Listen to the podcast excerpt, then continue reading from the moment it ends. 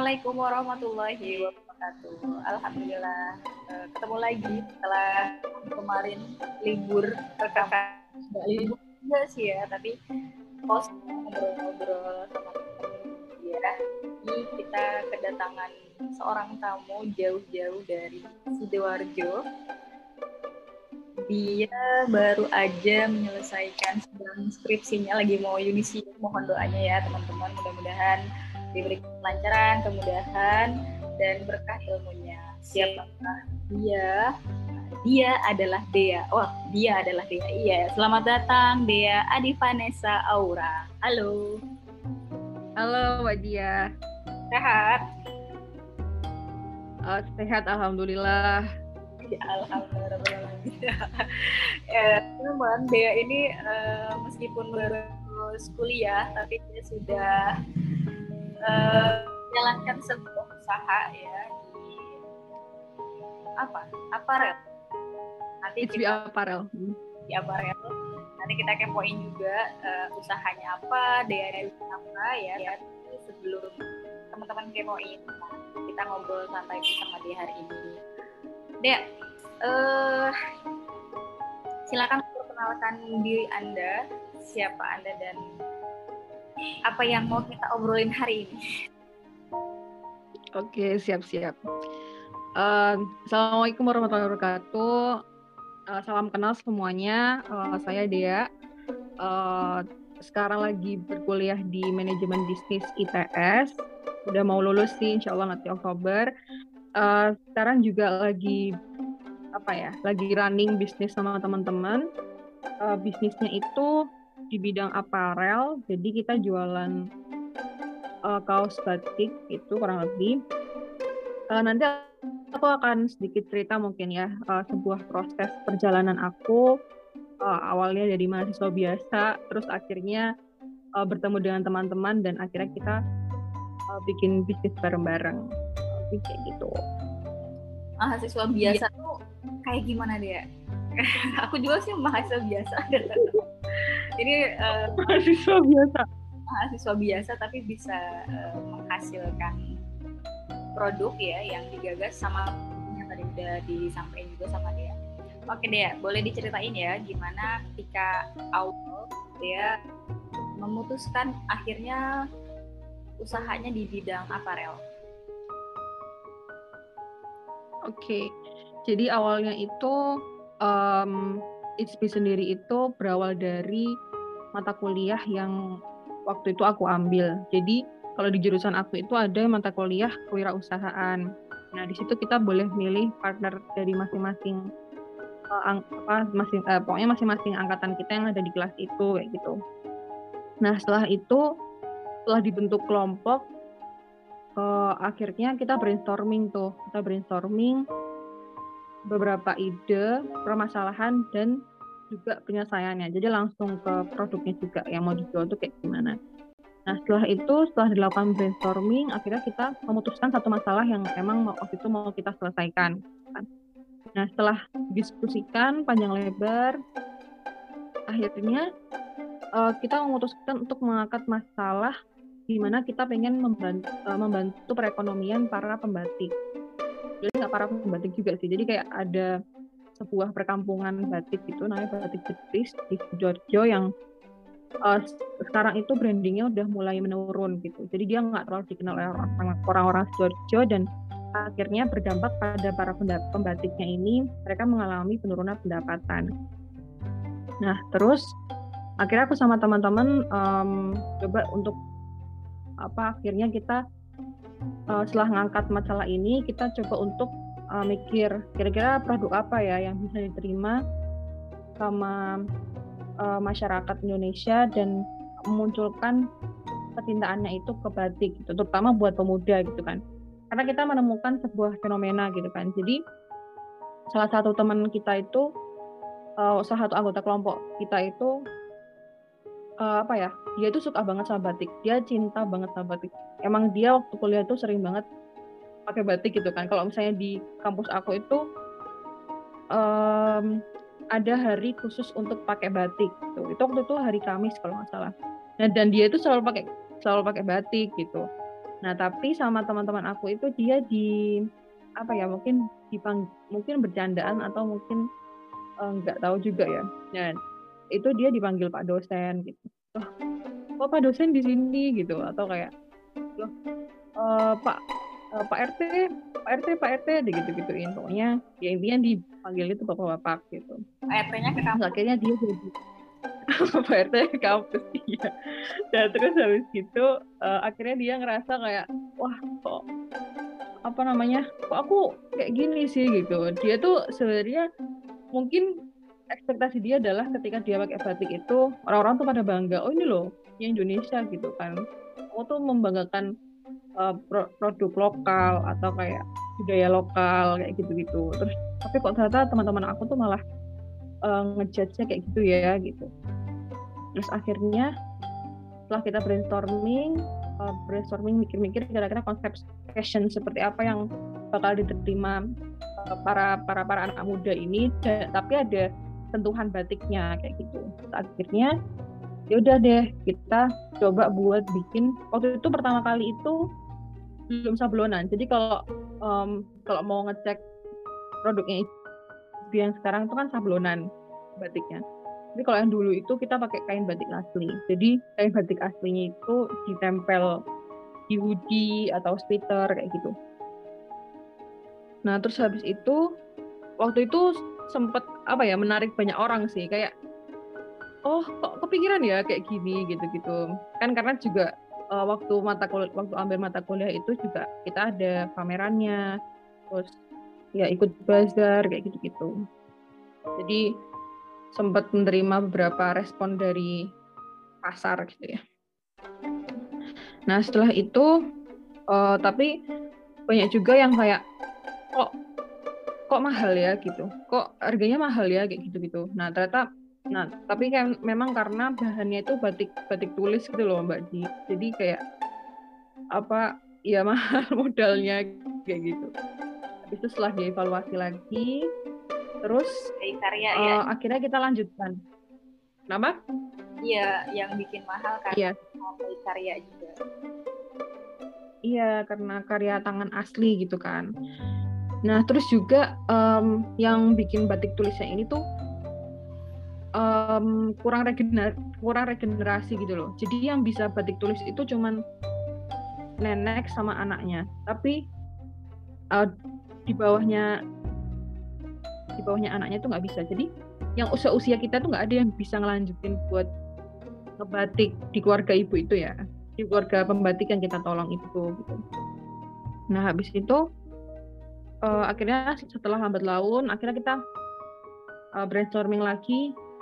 Coba deh kalau misalnya di setting pakai sablonan nah tapi kita tetap uh, ini tetap ngangkat story behind si batik ini tadi. Jadi khasnya batik eh kampung batik di sidoarjo itu adalah yaitu polanya itu selalu asli dari dulu.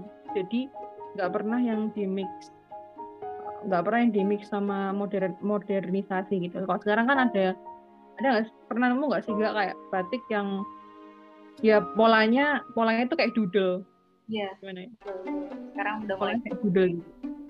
Jadi, ya karena ciri khasnya Kenapa mbak? Itu jadi ciri khasnya It's Big uh, dengan kekhasan batik dari daerah mau diangkat gitu Ya, kayak gitu. Terus habis itu uh, setelah mata kuliah ini selesai, kita mulai seriusin lagi nih gitu. Masa masa kita cuma sampai mata kuliah aja ya kayak gitu. Karena kita uh, seriusin lagi buat jadi skripsi gitu. Setelah itu ya udah uh, enaknya lagi, enaknya juga itu karena kita jurusannya manajemen bisnis, jadi bisa belajar sambil make case-nya itu perusahaan kita sendiri gitu kan. Kalau misalnya di jurusan aku tuh setiap ada tugas-tugas gitu selalu ada kaitannya sama perusahaan selalu ada kaitannya sama perusahaan-perusahaan gitu. Nah sering kali kita pakai gasnya itu produk kita sendiri kayak gitu. Nah setelah itu lambat laun uh, mulai mulai berkembang terus uh, terkenalah pandemi ini kan. Jadi waktu itu pandemi tahun lalu itu kita ya baru berjalan mungkin sekitar satu tahun dan uh, waktu itu kita baru move ke kaos itu eh kaos sablonan itu waktu saat-saat mau uh, eh, OTW pandemi itu. Waktu itu inget banget kayak kita tuh barusan endorse salah satu salah satu influencer di Surabaya gitu. Terus kena pandemi jadi akhirnya uh, ya produksinya terhalang dan lain sebagainya. Terus habis itu baru bangkit lagi itu mungkin sekitar pertengahan ke atas kali ya. Kita baru bangkit lagi kita coba uh, produksi lagi. Jadi kita waktu itu tuh sempat ini kayak di detik kita nggak punya modal untuk produksi produksi produk-produk selanjutnya gitu. Akhirnya uh, terus kita dapat duit dari mana gitu kan. Waktu itu sebenarnya iseng-iseng aja sih. Jadi kak kita waktu itu kan uh, tadi kan aku sudah sempat cerita ya kayak setiap ada mata kuliah itu kita selalu bawa bawa bawa bawa uh, produk kita gitu. Jadi kita sering kali kalau misalnya pas mata kuliah itu kita sekelompok gitu. Dan sekelompok terus habis itu kita bawa bawa produk kita. Akhirnya dosen-dosen kan kenapa? Iya di kelompok itu diskusinya biar enak bahas produk juga gitu. Ya, Iya, dan biar bonding juga kan kita. Karena waktu itu posisinya waktu awal-awal tuh nggak terlalu kenal banget. Nah, setelah itu akhirnya kita waktu itu kita presentasi presentasi ke dosen gitu kan. Um, pokoknya waktu itu udah pandemi dan kita diminta buat gimana sih kita biar tetap bisa jalan walaupun pandemi. Jadi ya intinya kayak gitulah. Gimana sih perusahaan-perusahaan itu bertahan gitu ketika terkena pandemi ini. Itu sebenarnya masih awal-awal sih tapi ya udah, di, udah disuruh pandemi kayak gitu. Akhirnya kita bilang uh, kita mau produksi masker gitu. Kita next mau produksi masker gitu. Udah cuman sebenarnya cuman kayak gitu doang tapi sama dosen aku uh, akhirnya dikasih akses gitu loh untuk pro proyek masker gitu. Jadi akhirnya kita produksi masker banyak banget dan itu alhamdulillah banget sih ya. Kayak uh, ya itu tadi sih memelihara memelihara hubungan dengan dosen itu juga sangat-sangat diperlukan gitu biar kita ya karena kita nggak tahu sih peluang tuh dapat datangnya tuh dari mana kayak gitu kan. Kayak gitu. Pokoknya intinya sih waktu itu waktu kena pandemi dan kita nggak ada modal itu satu yang kita inget tuh nggak pernah lelah buat mencoba. Jadi selain jalan itu tadi itu kita juga berkali-kali apply pendanaan ya. Lomba pendanaan dari mulai uh, eh, PKMK terus apa namanya apa ya lomba-lomba bisnis yang tingkat nasional tingkat nasional gitu. Paling ada lah ya sembilan gitu dan kita apply. Ya buat dapat modal tuh ya.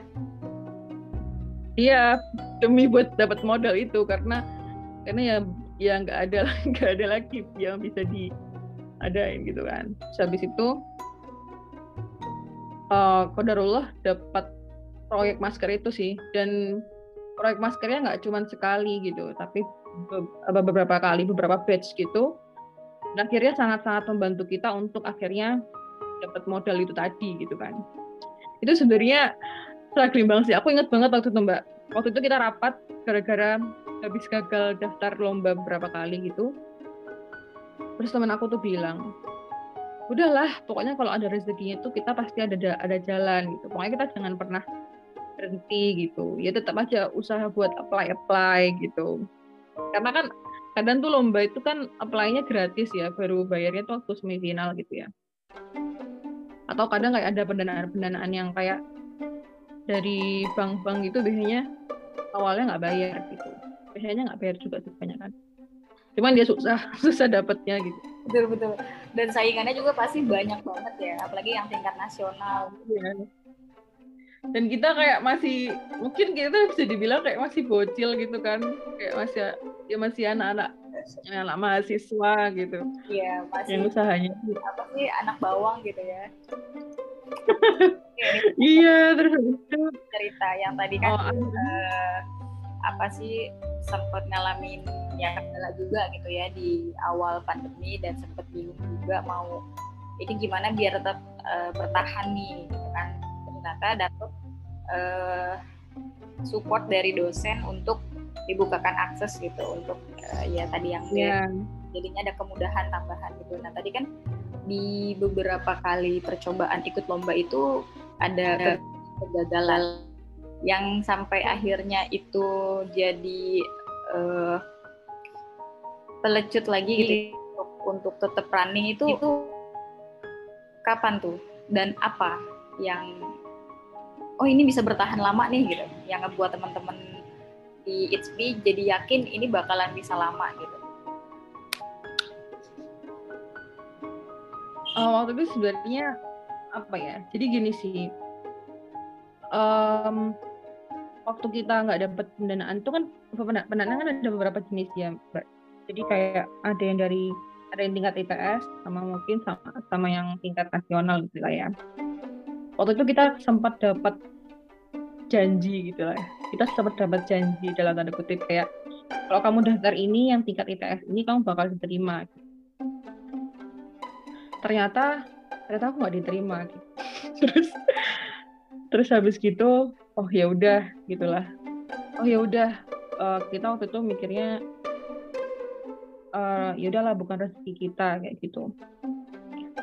Nanti kita pasti ada aja kok gitu. Pokoknya sebenarnya bikin yakin itu apa ya karena kita meyakini konsep rezeki itu tadi sih dan teman aku dan memang kita tuh apa ya kita tuh saling saling menyengat, saling mengingatkan sama lain tentang konsep rezeki itu sendiri kayak udah pokoknya uh, jangan berhenti gitu jangan berhenti nanti juga bakal ada uh, bakal ada jalan kayak gitu gitu terus uh, apa namanya terus juga niat kita tuh kan sebenarnya baik ya maksudnya uh, kita melihat beberapa finalis lomba yang mungkin case-nya yang di ITS itu ya itu mereka cuman ngejar pendanaannya itu duitnya aja gitu. Jadi uh, produknya itu nggak nggak semuanya itu benar-benar niat untuk dilanjutkan kayak gitu.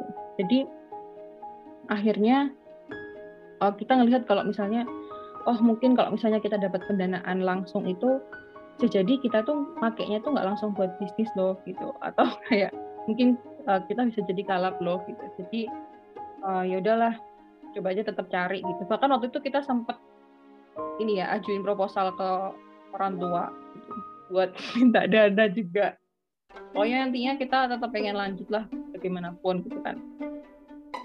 Terus habis itu oh sama ini sih. Soalnya waktu itu kita udah nikat ini jadi skripsi kan. Jadi pasti harus harus lanjut gimana pun karena waktu itu udah didaftarin kalau nggak salah. Eh, didaftarin jadi skripsi dan udah bikin CV juga. Jadi harus tetap lanjut bagaimanapun caranya gitu kan terus habis itu ya udah itu kalau apa?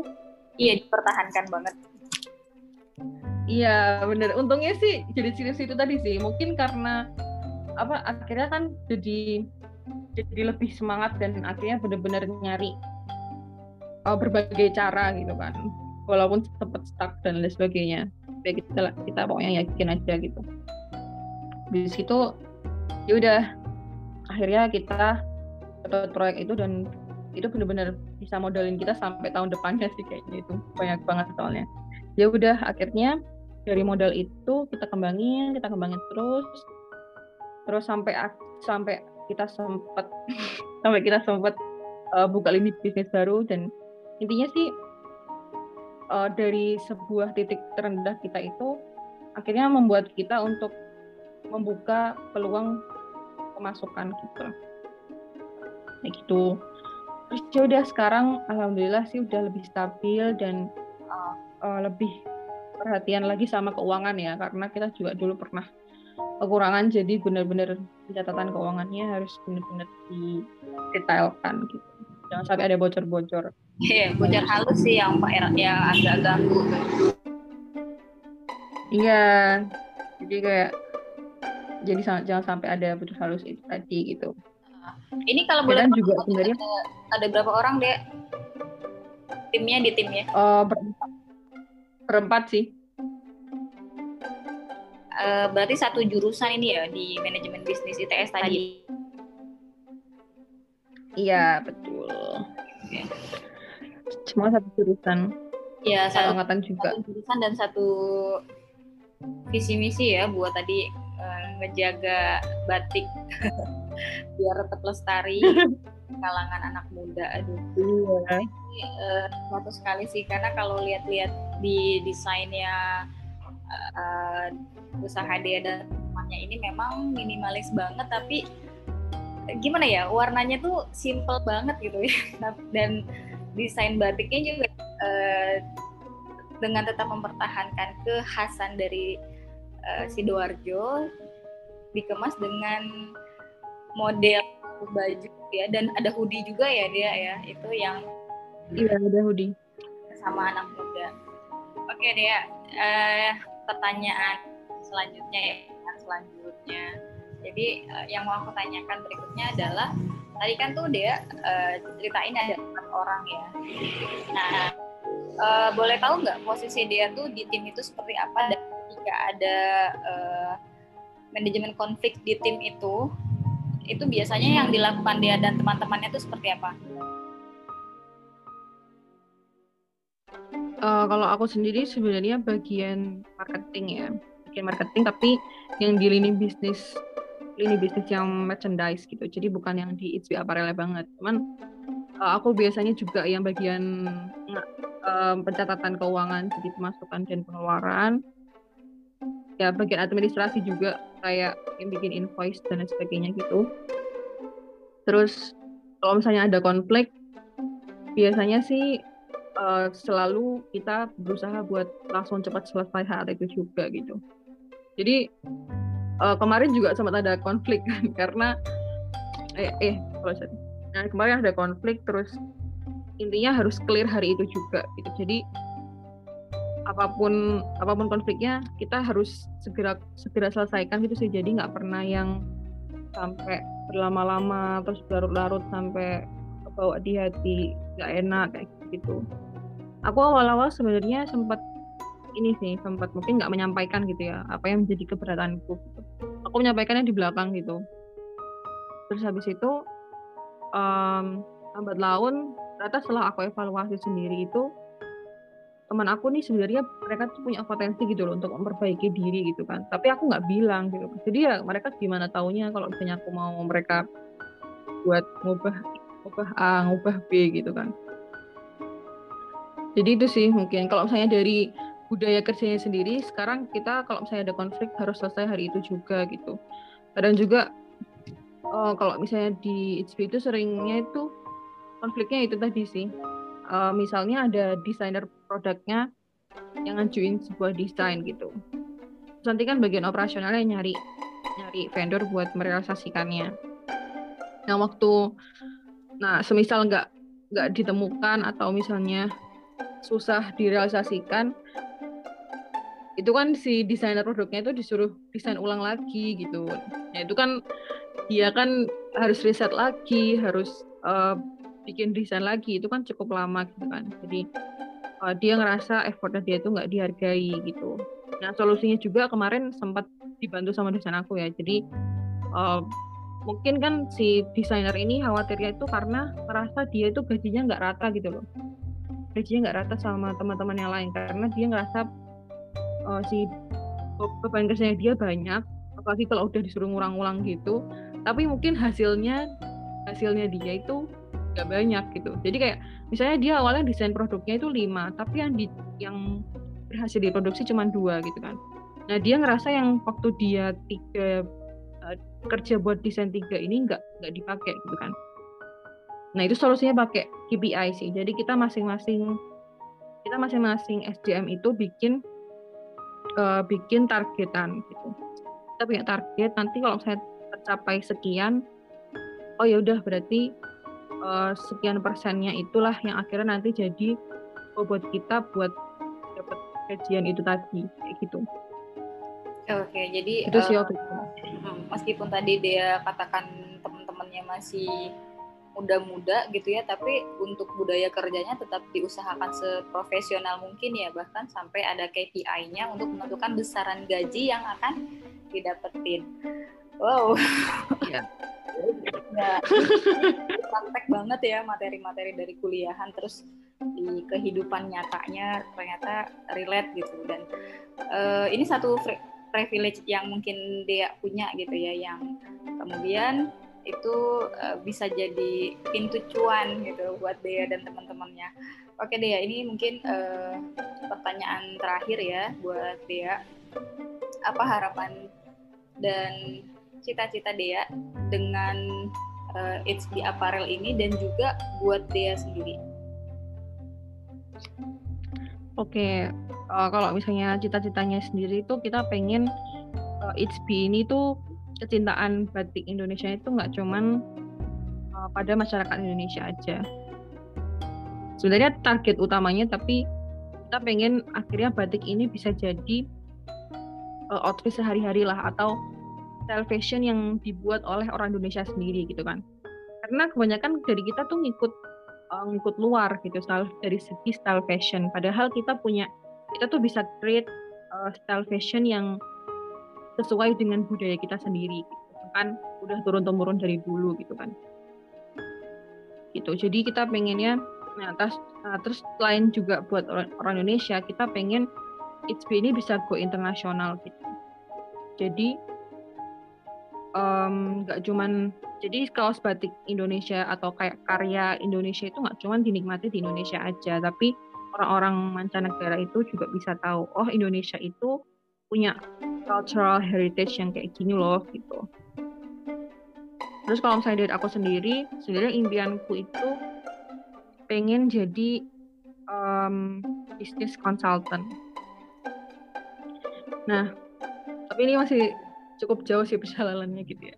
Mungkin dari ICB sendiri ini uh, karena kita waktu itu berangkatnya dari mata kuliah sosial entrepreneurship ya. Jadi um, meskipun kita kelihatannya apa ya kelihatannya kita dari permukaan itu lebih berfokus ke profit tapi sebenarnya kita juga ada beberapa program sosial yang mungkin ya memang dari kita sendiri kita nunggu eh, kita butuh sebuah posisi yang stabil untuk akhirnya kita bisa merealisasikan program sosial itu tadi gitu.